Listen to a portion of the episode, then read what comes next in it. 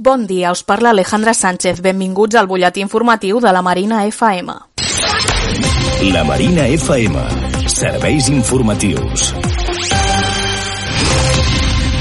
Comencem, com sempre, a actualitzar les dades que ens deixa la Covid-19 al barri. Els casos positius són ja més de 400, concretament són 410, i els casos sospitosos ascendeixen ja a 1.360. Tot això el dia en què Barcelona entra a la fase 2 de la desescalada, una fase a la que destaquen, entre d'altres, les següents mesures. Pel que fa a la mobilitat, encara no es pot sortir de l'àrea sanitària, excepte per causes justificades o de força major, que inclouen els desplaçaments al centre centres de treball per motius laborals, professionals o empresarials, l'assistència sanitària, la cura o atenció de persones amb necessitats i el retorn al domicili. Pel que fa als horaris, s'eliminen les franges horàries dels nens i també per a la pràctica esportiva, tot i que es mantenen per a col·lectius vulnerables com ara la gent gran.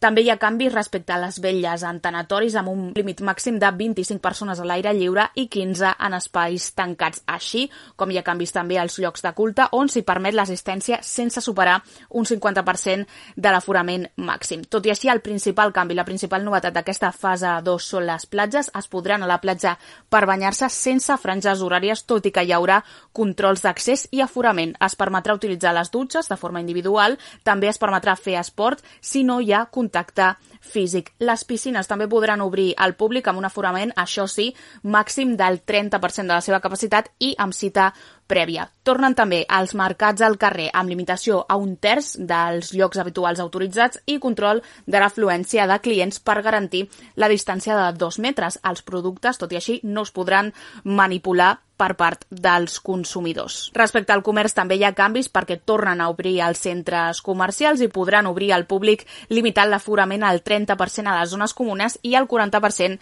als locals comercials. Es redueixen també les restriccions pel que fa a l'hostaleria i a la restauració, excepte en discoteques i bars d'oci nocturn. Podran obrir al públic per al consum dins del local i sense superar el 40% de l'aforament. Tot i així, no es permetrà l'autoservei a la barra per part del client. Una altra novetat són les biblioteques, s'obriran els espais de consulta, els ordinadors i els catàlegs, però s'hauran de desinfectar després de cada ús. Les sales infantils, tot i així, romandran tancades. I per últim, hotels i establiments turístics podran obrir al públic les zones comunes sense superar un terç de l'aforament i mantenir les mesures establertes als àmbits de l'hostaleria i la restauració. Els espais tancats on se celebrin esdeveniments o activitats d'animació hauran de ventilar-se durant dues hores abans de cada ús. Les classes grupals hauran d'organitzar-se amb un aforament màxim de 20 persones i evitant l'intercanvi d'objectes.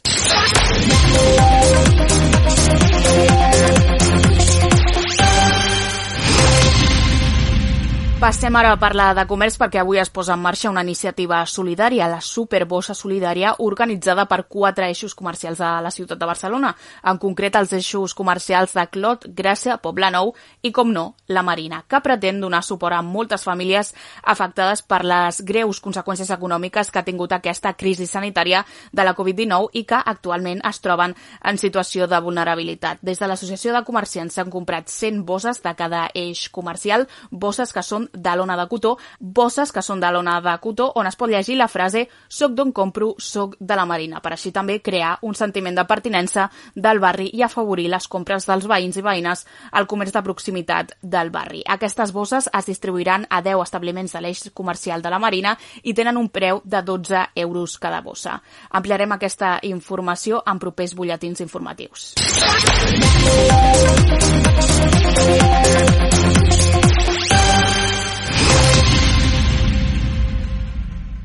L'Ajuntament de Barcelona reservarà el 40% de les noves places de Guàrdia Urbana per a dones. Actualment només el 14% de la plantilla d'aquest cos policial municipal són dones, mentre que els homes representen més del 85%. Ara bé, aquesta reserva de places per a dones no suposarà un gran canvi a l'estructura global, ja que si s'aconsegueixen cobrir totes les places, el percentatge total d'agents policials dones creixerà fins al 16%, és a dir, un 2% més que abans. El consistori de Barcelona Barcelona, mitjançant un comunicat de premsa, admet que serà un procés molt llarg, però que pretén tenir continuïtat durant els propers anys. Barcelona és així el primer ajuntament català que aplica una reserva de plantilla per a dones. Si es compara amb d'altres cossos policials, al 2018 només hi havia un 22% de dones als Mossos d'Esquadra, una xifra lleugerament superior, però prou similar. Per tant, són xifres que indiquen que queda un llarg camí per aconseguir una igualtat real en els cossos policials tant municipals, autonòmics i estatals.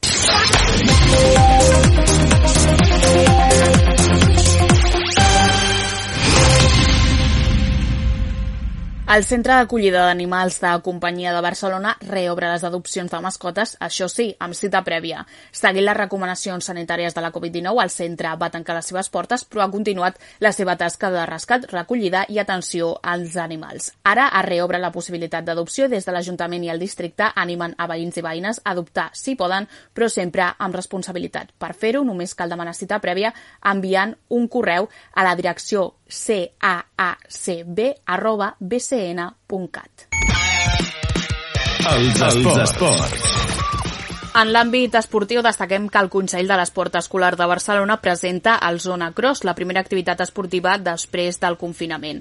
Després de l'aturada provocada per aquesta crisi sanitària de la Covid-19, el Consell de l'Esport Escolar de Barcelona ha fet un pas endavant proposant una resposta activa a la ciutadania. Des del passat 2 de juny, la gent gran del barri pot gaudir dels itineraris urbans que facilita el programa esportiu Zona Cross.